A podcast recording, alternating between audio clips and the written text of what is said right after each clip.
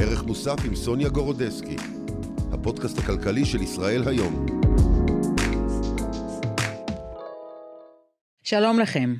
השבוע התפרסם נתון די מדהים על כך שיותר מחמישית מכלל הצעירים לא מצליחים לכסות את ההוצאות הבסיסיות שלהם. ואם כל כך הרבה אנשים צעירים בגילאי העבודה לא מצליחים לגמור את החודש, אז מה יגידו אזרחים ותיקים או משפחות עם ילדים לדוגמה? את הפרק הזה נקדיש לאחד הדברים החשובים עבורנו, התנהלות פיננסית נכונה. מהם הצעדים הנכונים להתקדמות פיננסית, והאם כל אחד מאיתנו יכול להגיע לרווחה כלכלית. ספוילר, כן. הנה מתחילים. שלום לבר נעמני, מייסד ומנכ"ל משותף של קהילת הפיננסים הגדולה בישראל, נכון? ידע נכון. שווה כסף, תודה שבאת אלינו. תודה רבה סוניה על המקום ועל הזמן ועל האירוח פה. תודה. אה, אז קודם כל עבור מי שלא מכיר אותך, תוכל לספר קצת אה, על עצמך, איך הגעת בכלל לרעיון הזה של להקים אה, קהילת פיננסים. אז אני אשתדל לעשות את זה קצר כי יש לנו הרבה דברים מעניינים לדבר עליהם. כן. ו... אבל בקצרה, אני מגיל 17 משקיע בשוק ההון. למדתי בן הרבה- כמה אתה היום? אני בן 30 כמעט, אוקיי. 29. אה, אני מגיל 17 משקיע בשוק ההון בצורה עצמאית, למדתי בהתחלה לבד, מה שנקרא, עם ספרים ו- ו- וזה, ועשיתי הרבה טעויות גם בדרך, אגב. זה חלק מההקדמה של למה הכרתי את הקהילה. תמיד הייתי החבר הזה ששואלים אותו בבית ספר קצת בהתחלה, אבל בעיקר בצבא אחר כך, מה עושים ולמה עושים וכמה עושים, ואת יודעת. כשאתה בצבא וכולם צעירים נשמע לך הגיוני אף אחד לא מבין בכסף אבל אז השתחררתי התחלתי לעבוד בהייטק התחלתי לעבוד במייקרוסופט הייתי ביחידה הטכנולוגית בצבא ואמרתי גם שם 8200. אה, מצוב אבל אוקיי. דומה אה, התעסקתי באבטחת מידע וגם שם אף אחד לא מבין בכסף וחבר'ה צעירים וחכמים שמרוויחים לא מעט ואני אומר בכנות אפילו הרבה יותר חכמים ממני לפעמים. ואני אומר לא הגיוני שאף אחד לא מבין בכסף כלומר זה חבר'ה שמרוויחים יפה הם חכמים כן. ויש אני לא מדבר על להשקיע בשוק ההון אני מדבר על קרן השתלמות וקרן פנסיה מול ביטוח מנהלים ודברים מאוד מאוד בסיסיים. ואז הבנתי שיש בעיה ובאותה תקופה היו עוד כמה דברים אבל חיברתי את הנקודות ומשם כאילו באוגוסט 2018 אמרתי טוב בוא, בוא נקים קבוצה בפייסבוק ונראה מה, מה, מה קורה עם זה מה שנקרא ונתחיל לדבר שם על כסף ועל שוק ההון ועל השקעות ומשם זה ככה הלך והתפתח. הכרתי את שי בדיחי השותף שלי ממש בתחילת הדרך והוא הצטרף אליי לניהול הקהילה. ומשם והיום מה אתם עושים בעצם שם אה, בקבוצה הזאת? אז, אז זה התחיל מקבוצה בפייסבוק, היום אני קורא לזה קהילה, כי באמת הרבה הרבה יותר מזה. כלומר, בין אם זה ברשתות החברתיות שאנחנו בפייסבוק, באינסטגרם, היום כל דבר. בערך זה קהילה. לא, אבל... אבל... הקהילה שלי פה, אה, המנהלת בית ספר של אבל- הילד שלי פונה במייל להורים. קודם כל אני מסכים. אה, שלום קהילה יקרה, ופעם המילה הזאת הייתה פחות נפוצה. אז, אז קודם כן, כל אני מסכים, אבל זה- אצלנו פשוט קודם כל, גם יש את העניין הפורמלי הפרונטלי, כלומר כל חודש אנחנו נפגשים, עושים הרצאה ובאים אנשים פיזית ונפגשים אה, ומכירים. אחד את השני ועוזרים אוקיי. אחד לשני ויוצרים קשרים וקהילות, אז בגלל זה אני אומר, זה, זה הרבה מעבר לזה, כלומר יש לנו קבוצות וואטסאפ שאנשים עוזרים אחד לשני, גם בפייסבוק אנשים עוזרים אחד לשני בלי קשר אלינו, יש מעל 200 אלף חברים בפייסבוק רק, אני לא יכול לעזור לכולם, אוקיי, אז אני, זה, זה כיף לי כל פעם מחדש שמישהו אה, כותב פוסט ואז את רואה עשרות תגובות אחרות של אנשים אחרים שהם לא נכון. אני. אוקיי, אני לפעמים נותן אה, אה, ועוזר והכל, אבל כלומר מה שאני בא להגיד באמת מבחינתי הקהילה זה שאנשים עוזרים אחד לשני ויש גם את העניין מה שנקרא הפרונטלי שהם באים להרצאות ועשינו גם. ובנוסף לקהילה הזאת אתה גם אה, עוסק ב...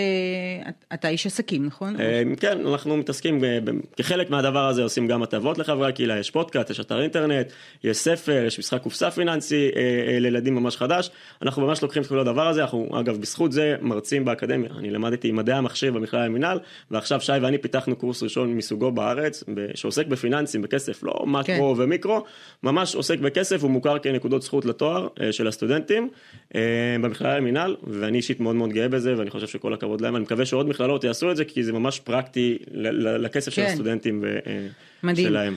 טוב, אז אה, ככה, השבוע התפרסם נתון די מדהים, אני גם דיברתי בדיוק על זה אה, בפתיח שלי. אה, יותר מחמישית מכלל הצעירים בגילאי 18 עד 34, כלומר אנשים צעירים בגילאי העבודה, לא מצליחים לכסות את ההוצאות הבסיסיות שלהם. והשאלה הראשונה בעצם שאני רוצה לשאול אותך כמישהו שיש לו ניסיון בתחום הזה, איזה טיפים יש לך לאותם אנשים צעירים שפשוט אה, לא, שרוצים לשפר את המצב הכלכלי שלהם ולא מצליחים היום באמת אה, לגמור את החודש ללא העזרה של ההורים? תראי, קודם כל זה עצוב לי לשמוע, ואני אני מאוד מקווה שמה שאנחנו עושים בין השווה כסף יעזור צריך להגיד קודם כל את הזה. שחלק מזה זה באמת אה, אוכלוסייה חרדית ואוכלוסייה, אה, אה, באמת אולי החבר'ה הצעירים אה, מאוכלוסייה ערבית, אבל אה, אלה שבאמת הולכים לעבוד ומקבלים השכלה, ועדיין גם הם לא מצליחים. קודם כל, גם הם, זה אוכלוסיות שחיות כן. פה איתנו. נכון. בסופו של דבר, זה לא שצריך להחריג אותם או משהו כזה, אבל אגב, גם להם, אה, לצערי עוד פחות, יש השכלה וחינוך פיננסי. לצערי גם בבתי ספר אין את זה יותר מדי, אין מספיק כן. בעיניי. אה, יש יוזמות פה ושם. הטיפ שלי, תראי, יש את הטיפים הרגילים של כמובן לחסוך ולהתייעל ופה ושם ולא להוציא ולא חייב לקנות אייפון חדש כל שנה וכו' וכו', זה, אני רגע אורז את כל הדברים האלה ואני אני רגע הולך צעד אחורה ואני אומר שהבסיס בעיניי הוא בתכנון ובהבנה שבמיוחד שאנחנו צעירים אי אפשר אה, מה שנקרא לקפוץ מעל הפופיק ולאכול את העוגה ולהשאיר אותה שלמה וצריך לעשות ויתורים. מה, מה, בוא ניתן דוגמה לוויתורים, אם אתה רוצה אה, ללמוד, אה, אוקיי? אה, ולשכור דירה, אז אולי אתה לא תשכור דירה בתל אביב, אולי זה יהיה בקצת פריפריה, כדי שגם, כאילו, מה שנקרא, תחסוך טיפה בשכר דירה, או אפילו שנה, שנתיים ראשונות, תגור טיפה אצל ההורים. שוב, כל אחד והסיטואציה שלו, יש כאלה שלא לגמרי, יכולים לגור כן. אצל ההורים, יש כאלה ש... אבל מה שאני בא להגיד, שכל אחד יעשה את הוויתורים שלו. כלומר, אתה לא יכול לגור גם במרכז תל אביב, גם אולי אה, בדירת שותפים, אבל מגניבה כזאת באזור כזה כזה מגניב, וגם אה, להיות סטודנט ואולי בקושי לעבוד, ואז לצפות כאילו לסגור את החודש. כלומר, בסוף אני חושב ש, שאנשים קצת קופצים מעל הפופיק, ודווקא העשור הראשון הזה, אה, של אחרי הצבא נקרא לזה ככה, מגיל 20, 21, 22, עד גיל 30, שפחות או יותר, שוב, תלוי מי, אבל מתחילים ועושים את הצעדים הראשונים של אה, אולי לקנות דירה, או מתחתנים, מתחילים ילדים והכל, דווקא העשור הזה הוא סופר קריטי. ומי שבעשור הזה יצליח, אה, מה שנקרא, להתנהל בצורה כלכלית יותר נכונה ויותר חכם, בעיניי יעשה בצורה, יעשה מה שנקרא קפיצה משמעותית ויעזור לעצמו לבנות ביטחון כלכלי לעתיד. יכול להגיד על עצמי, כדוגמה, אני, אני לצורך העניין, תוך כדי הלימודים, עבדתי. עבדתי משרה, 90% משרה, שוב, לי היה קצת יותר קל, כי באתי מעולמות של ההייטק, אז, אז שם זה עשיתי את זה שם, אבל אם תצליחו לצבור ניסיון ולעבוד תוך כדי, בעיניי, מבחינתי ספציפית, זה היה יותר חשוב אפילו מה- מהתואר עצמו, מעוד ציון או משהו כזה בתואר. כן, ואתה אומר אחד- שחשוב באמת לעשות את זה ב- דווקא בעשור הזה, בין 20... חד משמעית, כן, שמה... 20 עד שם- 30, כשעוד אין, אה, או שיש ילדים אבל קצת, לא הרבה, נכון. אבל אין אה, נגיד... פחות אה, מחויבויות כן. של משכנתה, בדיוק. ויותר קל לחסוך, כלומר גם מישהו שהרבה פעמים אני שאני אומר, בחור צעיר שעובד במשכורת מינימום או קצת מעל, מרוויח 6-7 בחודש, זה לא משכורת מאוד גבוהה, זה משכורת מינימום כמעט, נכון. לפעמים המצב שלו, אם הוא גר אצל ההורים ויכול לחסוך 4-5 בחודש, המצב שלו יותר טוב ממישהו שמרוויח 10 אבל גר לבד, או גר עם שותפים ויש לו הוצאות ויש לו רכב וגר בתל אביב, והוא כנראה לא סוגר את החודש. טוב, אוקיי. אה, שאלה נוספת, לפני שנעבור באמת לדבר על המדריך שכתבת, אה, איזה טעויות אה, נפוצות אתה רואה שעושים משקיעים מתחילים? אז אני, אני אדבר על אחת ספציפית ונפוצה שאני חושב שלא מדברים עליה מספיק. כי mm-hmm. מדברים עליה בקבוצה על המון המון דברים. אני חושב שמה שאנשים צעירים לא מבינים, ודווקא אולי זה, זה קצת סותר את מה שאני הולך אליו, כי אנחנו בקבוצה תמיד מדברים על השקעות ונדל"ן ושוק ההון וכו' וכו', ובאמת להשקיע, להשקיע, ואיך עושים את זה בצורה חכמה ונבונה, וזה נכון ומבורך. אבל חבר'ה צעירים, יש להם יתרון, היתרון שלהם זה הזמן, והיתרון שלהם שבתור התחלה, בשלב מסוים בחיים, הם צריכים דווקא להגדיל את פוטנציאל ההשתכרות, ופחות להסתכל על, ה, על העוד רבע אחוז או עוד חצי אחוז, שוב אני אומר, בתחילת הדרך. Mm-hmm. כן, זה יהיה משמעותי כשיהיו סכומים גבוהים ולאורך זמן, ואני לא אומר לא ללמוד לעשות השקעות בצורה נכונה, ואנחנו mm-hmm. מדברים על זה בקבוצה המון, אבל אני אומר, בתחילת הדרך, תשקיעו את המאמצים ואת המשאבים שלכם בלהגדיל את פוטנציאל ההשתכרות. לא משנה אם אתם שכירים או עצמאיים, תלמדו עוד קורס, או, או תיקחו עוד איזושהי אה, אה, הסבה מקצועית, תעשו אפילו קורס אה, ביודמי בדיגיטלי, תלמדו לבד, לא מעניין אותי איך, או פשוט... שתבואו לבוס שלכם ותבקשו העלאת שכר. גם, גם זה לא, אבל אני אומר, לבוא לבוס לבקש העלאת שכר זה אחרי שלמדת, אתה אומר, שמע, אני עושה X, עכשיו אני למדתי, אני יודע לעשות גם Y, בוא תיתן לי או תפקיד נוסף, או העלאת שכר, כי אני עושה את העבודה כן. שלי יותר טוב וכו' וכו', כלומר סתם ככה לבקש העלאת שכר, כולם. יכולים במרכאות, אבל, אבל יהיה קצת יותר קשה. אה, אז אני אומר. אם כן. תצליח, ל- ל- מה שנקרא, לתת יותר ערך, לתת יותר value, תלמד איזשהו skill מסוים, זה מכירות, זה לא משנה מה, ו- ותדע להגדיל את את השכר שלך בעוד אלף, בעוד אלפיים שקלים לחודש, לטווח ארוך זה הרבה יותר משמעותי מאשר בגיל צעיר, אתה יודע, שיש לך כמה עשרות אלפי שקלים, עוד חצי אחוז תשואה, עוד אחוז תשואה, זה טוב, זה חשוב, תעשה את זה במקביל, אבל, אבל תתמקד ולהגדיל את פוטנציאל ההשתכרות, זה הרבה יותר משמעותי בגיל צעיר. אוקיי, בוא נתחיל באמת לעבור, אה, בוא נתחיל לדבר על המדריך שכתבת, ואני מצטטת, הוא מרכז עשרה צעדים ברורים, איך ממצב של מתחיל בעולם הכסף אפשר להפוך לתותח של עולם הכסף. תשמע, זה נשמע מבטיח, אבל אנחנו יודעים הרי שאין איזה, איזו נוסחת קסם. חד משמעית. אז אה, ממה בכל זאת מתחילים? אז אני אגיד ככה, אני? אני, אני, זה אומנם הכותרת, אבל אני רגע הולך ומסתייג, וגם במדריך עצמו אני הולך ומסתייג. אני אומר בכנות, אי אפשר להפוך מכתבה אחת, ממאמר מסוים, מספר אחד, לתותח של כסף שמבין ולהיות עשיר. אני בכוונה גם אף פעם לא תראו אותי איך להיות עשירים או משהו כזה, זה ממש ממש לא שם. אני באמת חושב שכל אחד יכול להביא את עצמו ממצב X, 99% יכולים להביא את עצמם ממצב X למצב שהוא הרבה יותר טוב מבחינה כלכלית, מהמצב האינדיבידואלי שלהם, לא תמיד צריך להסתכל. רווחה כלכלית אולי, לקרוא לזה. רווחה כלכלית, חופש כלכלי, ביטחון כלכלי, לא משנה, אפשר לקרוא לזה בהרבה צורות, אני לא נכנס רגע עכשיו להגדרות ולמונחים, אבל אני חושב שכל אחד יכול לשפר את המצב הכלכלי שלו, אם נסתכל כמה שנים קדימה ועושה את זה בצורה נכונה, גם אם אתה אפס ידע, כלומר, אתה מתחיל באפס ידע, ואני רגע אומר, לא חייב להיות מומחים, ולא צריך להבין יותר מדי בשוק ההון והכל. כן, כמובן שככל שצוללים יותר לעומק, אפשר לעשות יותר, דברים יותר מתוחכמים, אבל מי שמכיר חוק הפרטו, 80-20, עם 20% מהמאמץ משיגים 80% מהתוצאות, אוקיי? זה הכלל שלי והוא תופס גם אה, בעולמות הפיננסים. ו... ועכשיו אני אעבור ככה בקצרה על עשרת הצעדים. כן. אה, אני אגיד שוב, אולי יהיו כאלה שיתווכחו איתי מבחינת הצעדים, מה בהתחלה ומה בסוף, יש דברים שאולי אפשר טיפה לשחק איתם, אבל בגדול זה די כרונולוגי. Mm-hmm. אה, וזה מניסיון... אז קודם כל זה מיועד למי שבאמת רוצה לשפר את מצבו הכלכלי, אה, להגיע אולי לרווחה כלכלית, מה שנקרא. ולחיות יותר טוב. לחיות... צריך קודם כל לרצות לעשות את זה, קודם נכון? כל קודם כל צריך לקבל החלטה שזה מה שאני רוצה לעשות. נכון. Okay. אוקיי. שאתה מבין ש... ואגב, ההבנה הזאת נופלת... שאגב, רובנו אה, רוצים לעשות את זה, אבל הם פשוט לא מצליחים. מפחדים. בוא נדבר כן. על זה תכלס, מפחדים כי המנטליות בישראל היא לא לדבר על כסף, ובבית בדרך כלל לא מדברים איתנו על כסף, ואמא ואבא הם לא ידברו עם הילדים יש בעיות בבית, או גם אם המצב בסדר, וכמה חוסכים ואיך מתנהלים, ובדרך כלל זה לא שם, ולא מדברים על שוק ההון, הרבה פעמים אני נתקלתי במיוחד בתחילת הדרך, אתה יודע, כשאתה פחות מבין וקצת אתה יותר חושש, אז אתה שואל את הסביבה, ואומרים לך מה, ושוק ההון, וזה קזינו, וזה מסוכן, וזה מפחיד, ו- ואז אתה מבין, ככל שהזמן עובר, שזה פשוט כי הם לא מבינים. אה, וזה בא מבורות, לא מחלילה קטע רע, כי בדרך כלל זו סביבה קרובה שרוצה להגן עליך, אז, אז גם בקטע הזה זה איזשהו תיק. גם אה, יש כאלה שחושבים באמת שצריכים סכומים מאוד גדולים כדי להתחיל באמת אה, להיכנס לעולם נכון, הזה של שוק ההון. צריך סכום מינימלי די גבוה. אז, אז זה לא, לא? נכון. לא? זה לא, לא נכון, אפשר אוקיי. להתחיל להשקיע אפילו ממאות שקלים בחודש. אוקיי. ברמה כזאת, 200-300 שקל בחודש, תלוי במכשיר, אנחנו לא ניכנס עכשיו לפרטי פרטים, אבל יש מכשירים בשוק ההון שאפשר לעשות את זה ב-200-300-400 שקל בחודש, וזה באמת לא עולה כמעט הרבה, לא עולה הרבה כסף בסכומים האלה. בסדר? אז בואו נתחיל באמת אז... לטובת הציבור, לטובת האנשים שצריכים אה, ורוצים לשפר את מצבם הכלכלי. בואו נתחיל לדבר על זה, אז, אז מה השלב הראשון? אני, אני כן, אקח מציץ בשליפים שלי מתוך בטח. הכתבה אצלנו באתר, חופשי. אבל הדבר הראשון זה מיפוי פיננסי. קודם כל להבין מי אני ומה אני ומה יש לי ומה אין לי. קודם כל להתחיל להבין רוב האנשים שזה, הם לא יודעים בכלל שדיברת עליהם בזה, אני מניח, ממה שאני יודע ורואה 200 אלף אנשים, אני רואה כל יום פוסטים, מאות פוסטים ביום, רוב האנשים בכלל לא יודעים על מה הם מוצאים כסף. אוקיי? אז קודם כל מיפוי פיננסי, כמה כסף אני מוציא בחודש, כמה כסף אני מכניס אקסל. בחודש. זה יכול להיות אקסל, יש לנו אקסל באתר, יכול להיות שיש כל מיני אפליקציות כאלה ואחרות, לא נעשה פרסומת, מי שרוצה מוזמן, אני מניח שמכירים, אבל הכי פשוט אקסל, גם על ידי חיפוש פשוט בגוגל, אני מניחה שאפשר למצוא אקסל לדוגמה. באתר שלנו, אקסל אוקיי. הוצאות והכנסות, ידע שווה כסף, אתם תגיעו לאתר שלנו, יש שם אקסל בחינם, תורידו אותו, אה, ממש מסודר לכם, על הוצאות דירה והוצאות רווחה ותחבורה ובריאות. פשוט לשבת ערב אחד, להקדיש לזה, אני לא יודעת מה, שעה, ולבנות כן, להסתכל, לקחת, אה, לשבת על ההוצאות שלכם באשראי וכל שאר ההוצאות. אני אומר, זה כן, זה קצת מייגע, יש טכנולוגיה, מי שרוצה, זה קצת אה, יותר נחמד, זה קצת מייגע בהתחלה, אבל once עשיתם את זה פעם ופעמיים. יש גם חברות שעושות את זה, נכון? כן, כמו אבל... למשל רייזאפ, אה, נכון? נכון, עוסקים יש להם אחלה אפליקציה שמסדרת okay. לך את הכל וזה. אה, אז מי שרוצה טכנולוגיה, יש, יש את הדבר הזה. מי שרוצה את האקסל הישן והטוב, יכול לעשות גם את זה. Mm-hmm. אני אומר בכנות, זה חשוב מאוד בהתחלה. אני לצורך העניין גם הייתי עושה את זה, אבל once שוב, כל אחד כבר אינדיבידואלי. once עשית את זה ואתה מבין פחות או יותר על מה אתה מוציא כסף, אתה מבין, אני יודע שאני מוציא בין, סתם אני אומר, בין 5 ל-7 אלף שקל בחודש. קצת יותר, קצת פחות. אז פעם בחודש אני מסתכל על האשראי, אני עובר ומרפרף בעין לראות שאין חיובים מוזרים, אני לא תמיד ממלא את האקסל הזה עכשיו למי שזה קצת מייגע אותו, אוקיי? כי אני יודע עכשיו שזה מה שאני מוציא בערך, ואני יודע שאין משהו. עכשיו, אם קפצתי פתאום לעשרת אלפים, רגע, רגע, בוא נבין, בוא נראה מה קרה, אולי נחזור לאקסל, אולי נראה שדברים השתנו, אוקיי?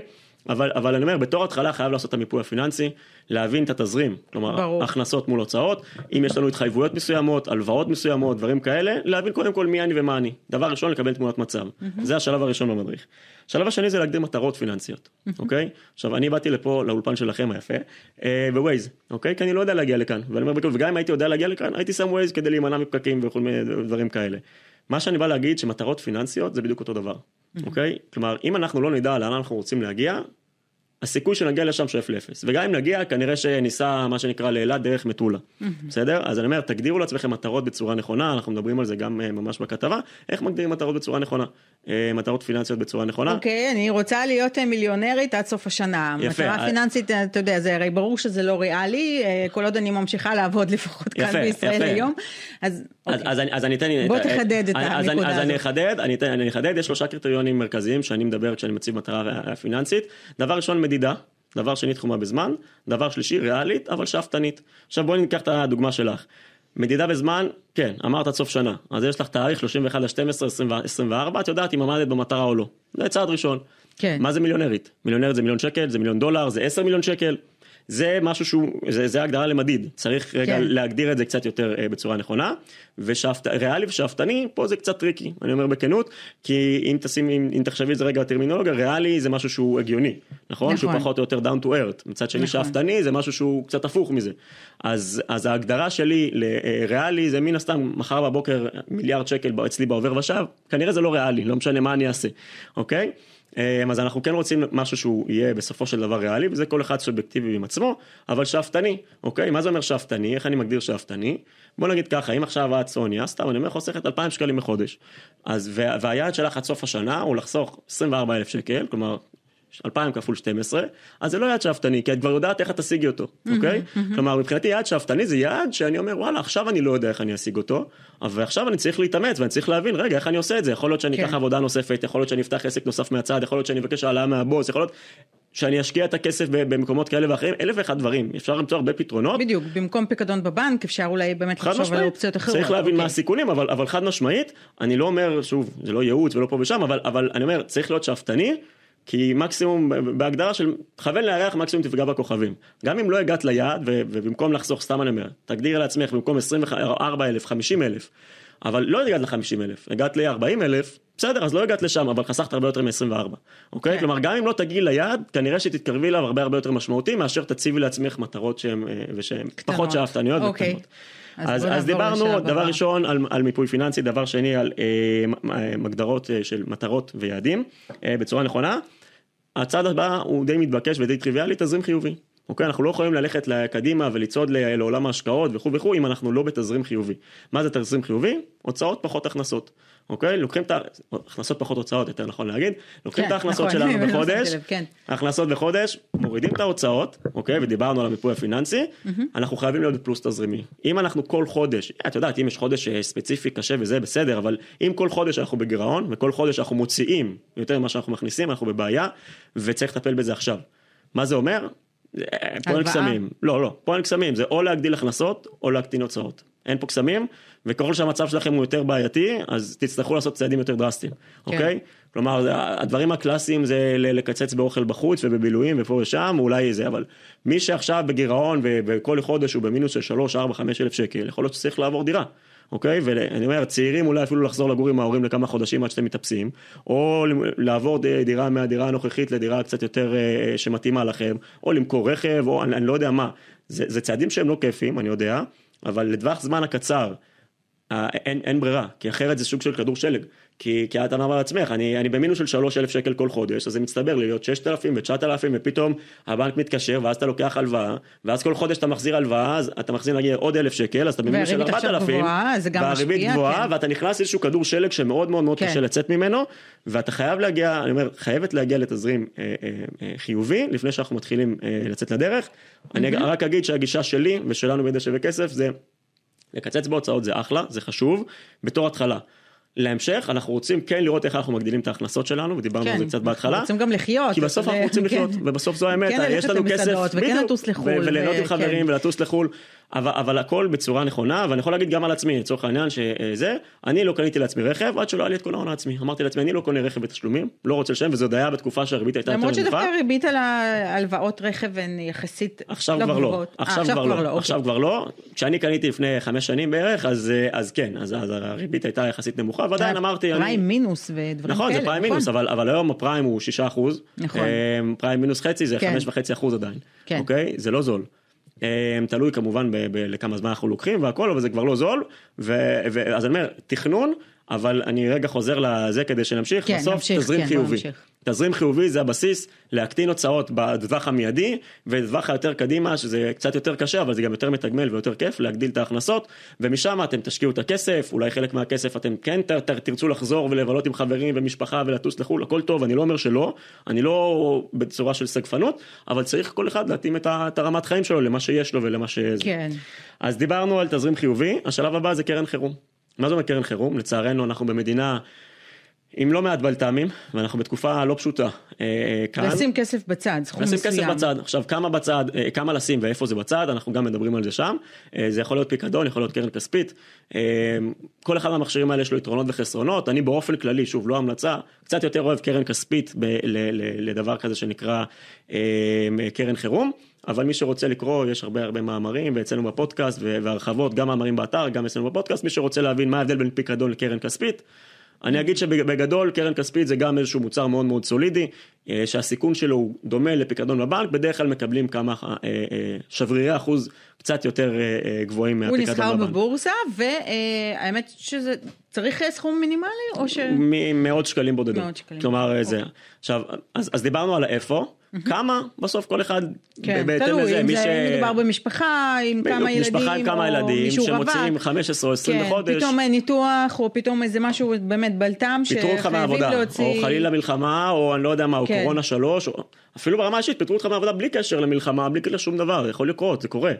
אז שים לך שלושה חודשים, שישה חודשים של מחיה בצד, כדי שאם חלילה קורה משהו, אתה, אתה יכול לישון רגוע בשקט. Mm-hmm. אוקיי? לפני שאנחנו, זה עוזר לנו קודם כל ברמה האישית, אנחנו יכולים לישון יותר טוב בשקט בבית, ואנחנו מבינים שהכל בסדר.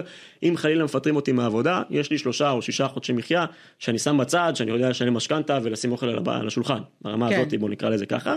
כמובן שיש אבטלה וכל מיני דברים כאלה. סליחה, כל אחד והזה שלו.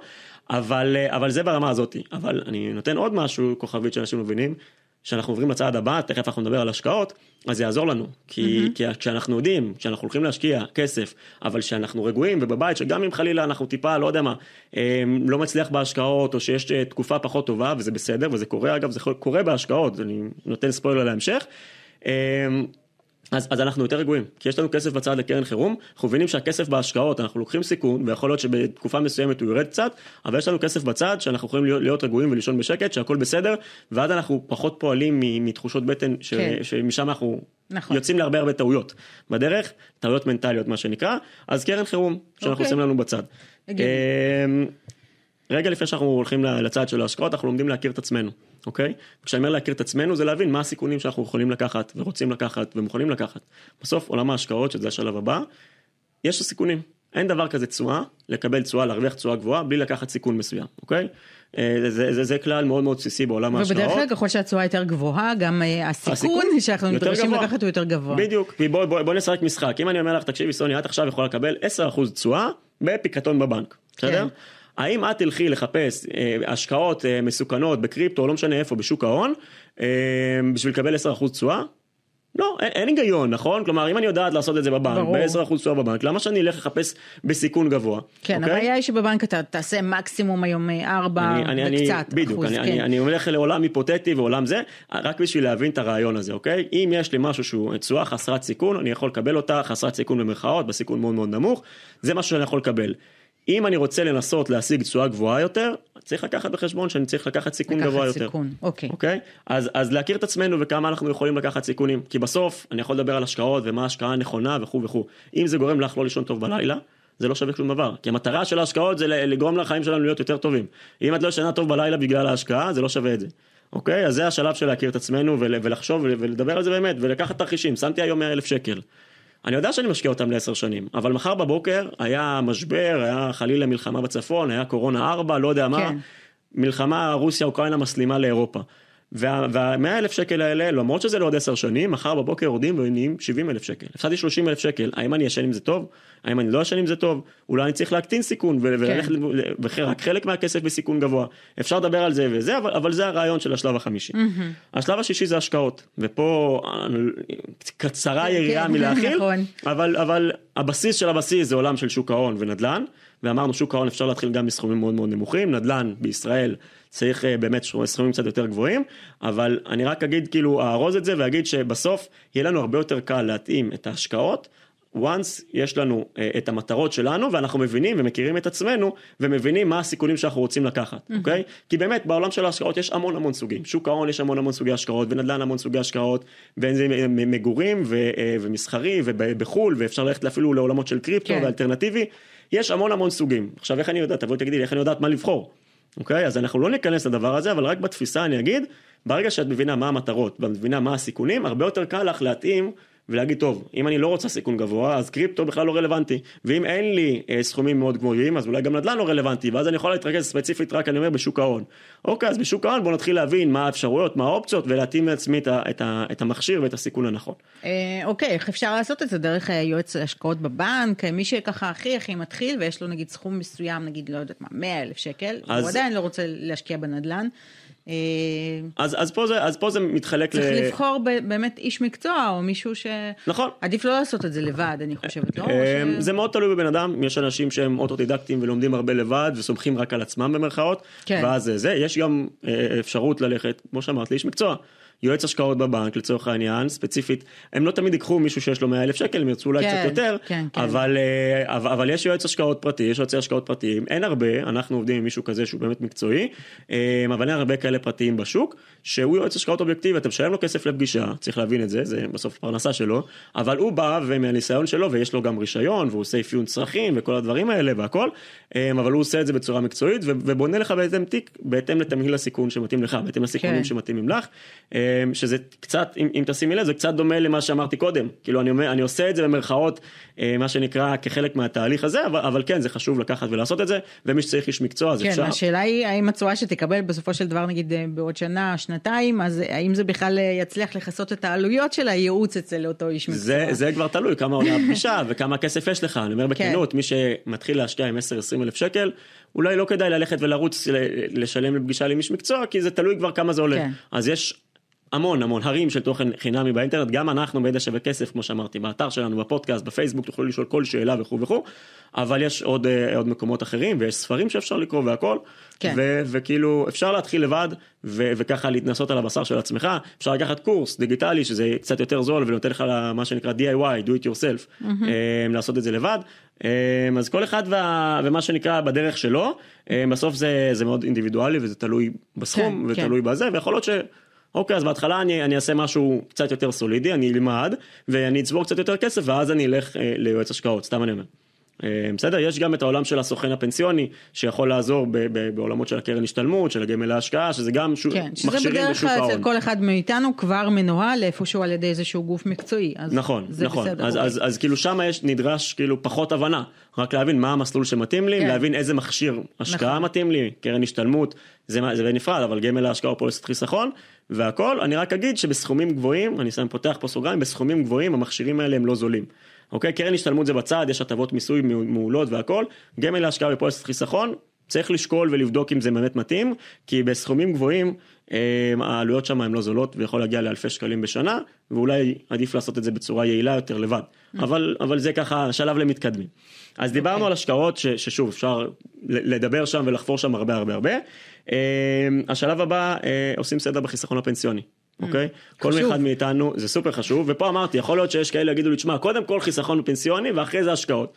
בסדר אני לא אריב על הדבר הזה מבחינת הסדר הכרונולוגי של הדברים אבל חשוב חיסכון פנסיוני בסוף אה, במיוחד לחבר'ה צעירים אגב דיברנו על חבר'ה צעירים אז זאת טעות הם לא מתעסקים עם חיסכון הפנסיוני הרבה פעמים. אה, זה עוד 40 שנה הם אומרים לעצמם והכל ואני לא רוצה ודווקא הפוך דווקא הסכום הכי הכי משמעותי שאתה תצבור הוא בתחילת הדרך בעשר השנים הראשונות שאתה תצבור אחראים בערך אל תפסי אותי במילה אבל מחקר שבדקנו ועשינו על 45 אחוז מה, מה, מה, מהכסף שיהיה לך בפנסיה.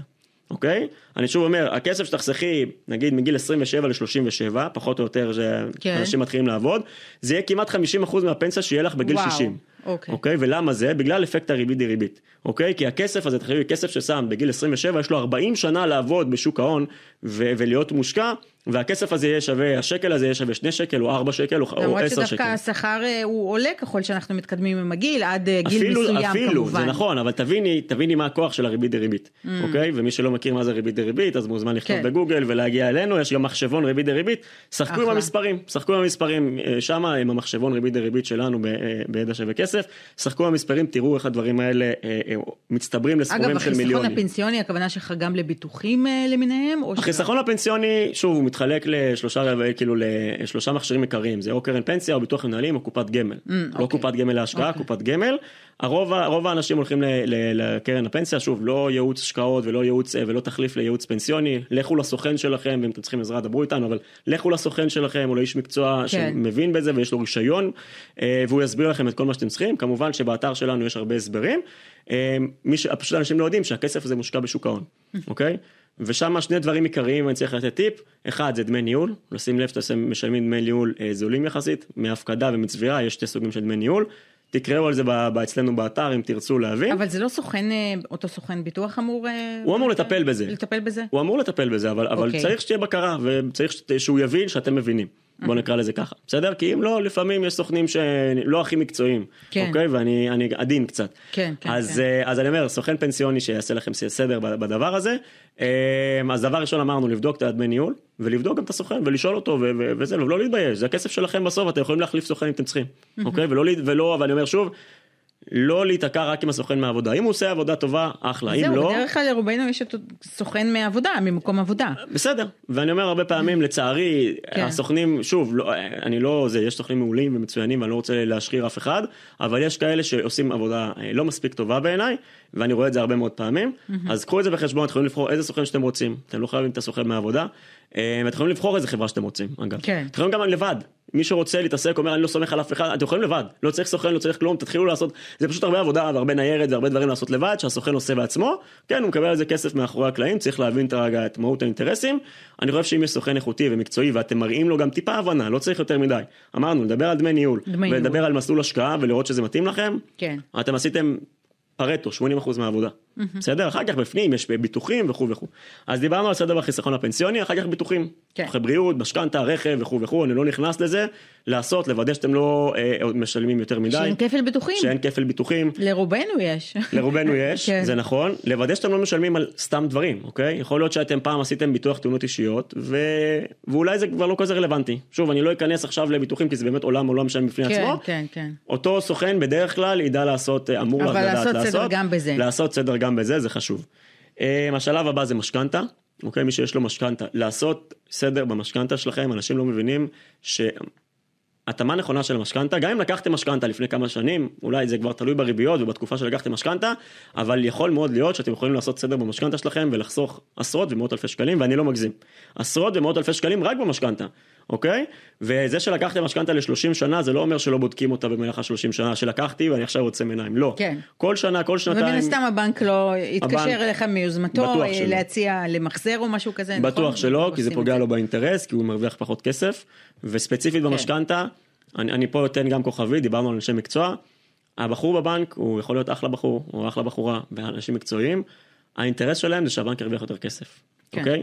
ולכן אני אומר, אם אתם הולכים, לוקחים משכנתה, אתם צריכים להבין שאתם צריכים יועץ אובייקטיבי שהוא נמצא בצד שלכם, שאתם תשלמו לו כסף, כן, זה יעלה כמה אלפי שקלים, אבל אני מניסיון וממי שראה לא מעט משכנתאות, עשיתי גם קורס יוצא משכנתאות, אתם תחסכו עשרות אם לא מאות אלפי שקלים. אני אומר לך אמיתי כאילו אצלי זוג הייטקיסטים שמרוויחים יפה ופה ושם הסתכלתי על התיק שלהם לפני שנה וחצי יכלו לחסוך במחזור אחרי אחרי הקנסות של עשרות אלפי שקלים לחסוך 150 אלף שקל. 150 אלף שקל אם היו עושים את זה בצורה נכונה אחרי תשלום של 50 אלף שקל קנסות פחות או יותר. סתם שתביני כאילו את אגב, אני הפרופורציות. חושבת שגם הקטינו, הממשלה החליטה להקטין את הקנסות, את גובה הקנסות, ונגיד עכשיו אה, זה... זה, זה קצת משתנה, זה תלוי כן. בריבית בשוק באותה תקופה ומתי לקחתם את המשכנתה, זה קצת מורכב ולכן אני אומר, תנו לאיש מקצוע שמבין. אגב, מי שיש לו משכנתה ורוצה לבדוק מחזור משכנתה, בדרך כלל היועצים עושים את זה בחינם. בדרך כלל כל יועץ וזה, אני מדבר על היועצים הפרטיים, לא בבנק, אוקיי? אז את הבדיקה אפשר לעשות בחינם, ואז אם הוא רואה ומראה לכם שיש ו- ואפשר לחסוך כסף, לכו כאילו תשלמו לו כסף, והוא נכון. מראה לכם שהוא יכול לחסוך כסף, גם במשכנתה שלוקחים פעם ראשונה ולא מחזור משכנתה, תעשו לעצמכם טובה, תשלמו עוד כמה אלפי שקלים, אתם הולכים לקנות דירה במיליון וחצי, שתי מיליון שקל מינימום, כן. זה בערך המחירי מינימום כמעט, והזה, שימו עוד כמה אלפי שקלים ליועץ משכנתה, זה יהיה שווה לכם כנראה הרבה יותר אה, עכשיו גם. נראה לי התקופה יותר מתאימה, למה? כי במלחמה, אה, לפי מה שאני שומעת ורואה, קונים פחות דירות. ויועצי המשכנתאות פחות עמוסים, אז אולי נכון. גם יותר קל אה, באמת יותר קל להגיע לקבל. לאנשים האלה. חד משמעית, כן, אני מסכים, אוקיי. אני מסכים. יועצי משכנתה פרטיים זה אם אני צריך לצאת עד זה, ואני לא, לא אומר את זה כי עשיתי קורס יועצי משכנתאות, אני לא עושה תהליכים כאלה, אל תבואו אליי, אל תפנו אליי, אני לא עושה דברים כאלה, זה לא פרסום בשבילי, לכו תבחרו יועץ משכנתה אה, זה. אחלה. גם, גם בדבר הזה יש לנו כלים בקבוצה כדי להבין שאתה בא ליועץ משכנתה אתה צריך להבין את הבסיס אתה לא צריך להחליף אותו אתה צריך לדעת מה לשאול כדי להבין אם הוא מחרטט או אם הוא איש מקצוע רציני ואת הבסיס הזה אתה יכול אפשר למצוא אצלנו באתר וכו' וכו'. והשלב האחרון אה, כן. במדריך בעשרת הצעדים זה other people money וזה ככה חשבתי שהוא טיפה למתקדמים ו-other people money OPM באנגלית בעברית במילים אחרות מינוף או להשתמש בכסף של אנשים אחרים בשביל להתקדם קדימה ופה אני אני שם רגע כוכבית ו- ואני אומר זה לא מתאים לכל אחד. וצריך לדעת לעשות את זה בצורה נכונה. זה גם אחרי שעברנו את כל וזה התשעה אחרי שעברנו את כל, את השלבים כל אה, הראשונים. בדיוק, כן. שעברנו את כל השלבים הקודמים, אבל בסוף אם נסתכל על זה, כל האנשים הכי עשירים בעולם מתעשרים בסוף אה, מכסף של אנשים אחרים, והם לוקחים כסף של אנשים אחרים, וזה לא מה זה בקטע רע. אומר? זה- כי זה נשמע קצת רע. לא, לא, זה לא נשמע רע, בסוף אם אני יודע, סתם בוא ניקח את זה הכי פשוט, אם אני יודע לקחת הלוואה מהבנק ב-5% תשואה- ב-5% ריבית, אוקיי. ואני יודע לייצר 10% תשואה במקום אחר, בסיכון שהוא, שאני מקבל אותו ואני מבין את הסיכונים, אז אני מייצר פער של 5% תשואה, אוקיי? שמכסף שלא היה לי, נכון? לקחתי כסף מהבנק, כן. אוקיי? זה לא הבנתי. כסף שלי. הבנתם מה זה אומר עכשיו. עכשיו שוב, אוקיי. זה, זה, לא, זה לא חלילה, אני אומר שוב, זה, זה, יש פה סיכונים ו, וצריך לעשות את זה בצורה נכונה, ואני לא אומר כל אחד עכשיו ללכת ולהתמנף ולקחת הלוואות בשביל להשקיע, ממש ממש לא. שוב, אני אומר, זה השלב למתקדמים, אבל זה ה- מה שאמרתי, השלב הבא, אוקיי? ובוא ניקח אפילו, נתעלה באילנות- באילנות גבוהים, אפילו אילון מאסק, האיש הכי עשיר בעולם, כשהוא קנה את טוויטר, אז כן. מישהו עשה שם עסקה גרועה, נראה לי 44 מיליארד דולר, אל תתפסי אותי במילה, ועכשיו יישאר רבה פחות, הוא לקח כסף מאנשים אחרים, למרות שהיה לו את הכסף, יש לו כסף, הוא שווה מעל 44 מיליארד דולר, הוא לקח כסף מאנשים אחרים, ולקח, נקרא לזה הלוואות, או לא משנה מה, בצורה כזאת או אחרת, כן. הוא הכניס איתו משקיעים ולקח כסף מאנשים אחרים. בהחלט, כן. אוקיי? כי הוא רצה להפחית סיכון, כי הוא רצה לפזר סיכונים ולהשאיר כסף בטסלה ולהשאיר כסף בספייסיקס ובכל שאר הדברים האחרים שהוא עושה. אוקיי? אז אפילו האיש הכי עשיר בעולם לוקח אה, אה, כסף מאנשים אחרים וזה בסדר. ואם תסתכלי על כל מיני אנשים שהתעשרו מנדל"ן והכל. אין מה לעשות, ככה זה עובד, ומי ש... אני, אני אומר שוב, אני, אני לא רוצה לייצר איזשהו חלום והכל, כי יש בזה גם סיכונים וצריך לדעת לעשות את זה בצורה נכונה, ואני אומר את זה פעם שלישית, כי זה חשוב לי להדגיש את זה, אבל בסוף בסוף בסוף זו דרך להתקדם קדימה בצורה יותר מהירה, זו כן. האמת. אם יודעים לעשות את זה נכון, אז, אז אתה יודע לעשות את זה בצורה יותר נכונה, בצורה יותר טובה, אבל שוב אני אומר, זה אחרי שהבנת את כל הסיכונים, אחרי שהבנת את עולם ההשקעות, שוק ההון ונדל"ן, מה שנקרא, הכרת את ואחרי עצמך. שגם קודם כל עשית סדר בית, אה, אה. סדר ב- במשק הבית שלך, ואתה באמת כבר אה, שוחה. בדברים האלה. אז את רוצה שאני אסכם ככה, ירוץ על, על עשרת השלבים כן. מהר, זריז? כן.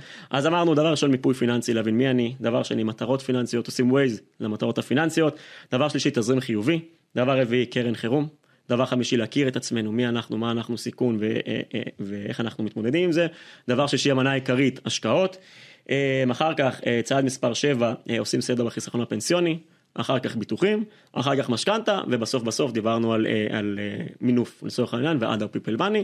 זה עשרת השלבים, שוב אני אומר, אי אפשר להיות אה, אה, תותח של כסף, או, או לא יודע מה, המשקיע הכי גדול בעולם, אחרי שאתה קורא מאמר אחד. כן. זה תהליך, תתחילו בגיל צעיר, אה, תשקיעו את הכסף, כל אחד יכול לעשות את הצעד שלו, ואגב, אם יכול להיות שאתם אה, כל אחד יכול לשפר את המצב בדיוק, ואגב יכול להיות שלו. שאת אה, תקשיבי, תקראי את המדריך, תגידי וואלה, תשמע, אני, אני בתזרים חיובי, אני הגדרתי מטרות, אני כבר יכולה ישר לקפוץ לשלב 4 ו-5, או שלב 6 ישר להשקעות, אוקיי? אז כל אחד גם בוחר בעצמו איפה הוא נמצא בתהליך הזה, נכון. בהתאם לה- להתקדמות הפיננסית שלו, ומשם הוא ממשיך לפי הסדר בשלבים. כן. אה, אבל חשוב להחליט שרוצים ובאמת להתחיל ליישם את זה. אין, לצערנו אין ברירה, כן, כאילו אוקיי. אנחנו חיים במדינה ש- שאת בעצמך נתת את הנתונים וזה לא פשוט. נכון, טוב, בר נעמני, מייסד ומנכ"ל משותף של קהילת הפיננסים ידע שווה כסף, תודה רבה שהגעת אלינו, היה לי מרתק ואני בעצמי אתחיל ליישם ולנסות רבה, לשפר. את המצב הכלכלי. אני מקווה שהצלחנו. לעזור לעוד כן, אנשים. גם אני מקווה, תודה. ביי.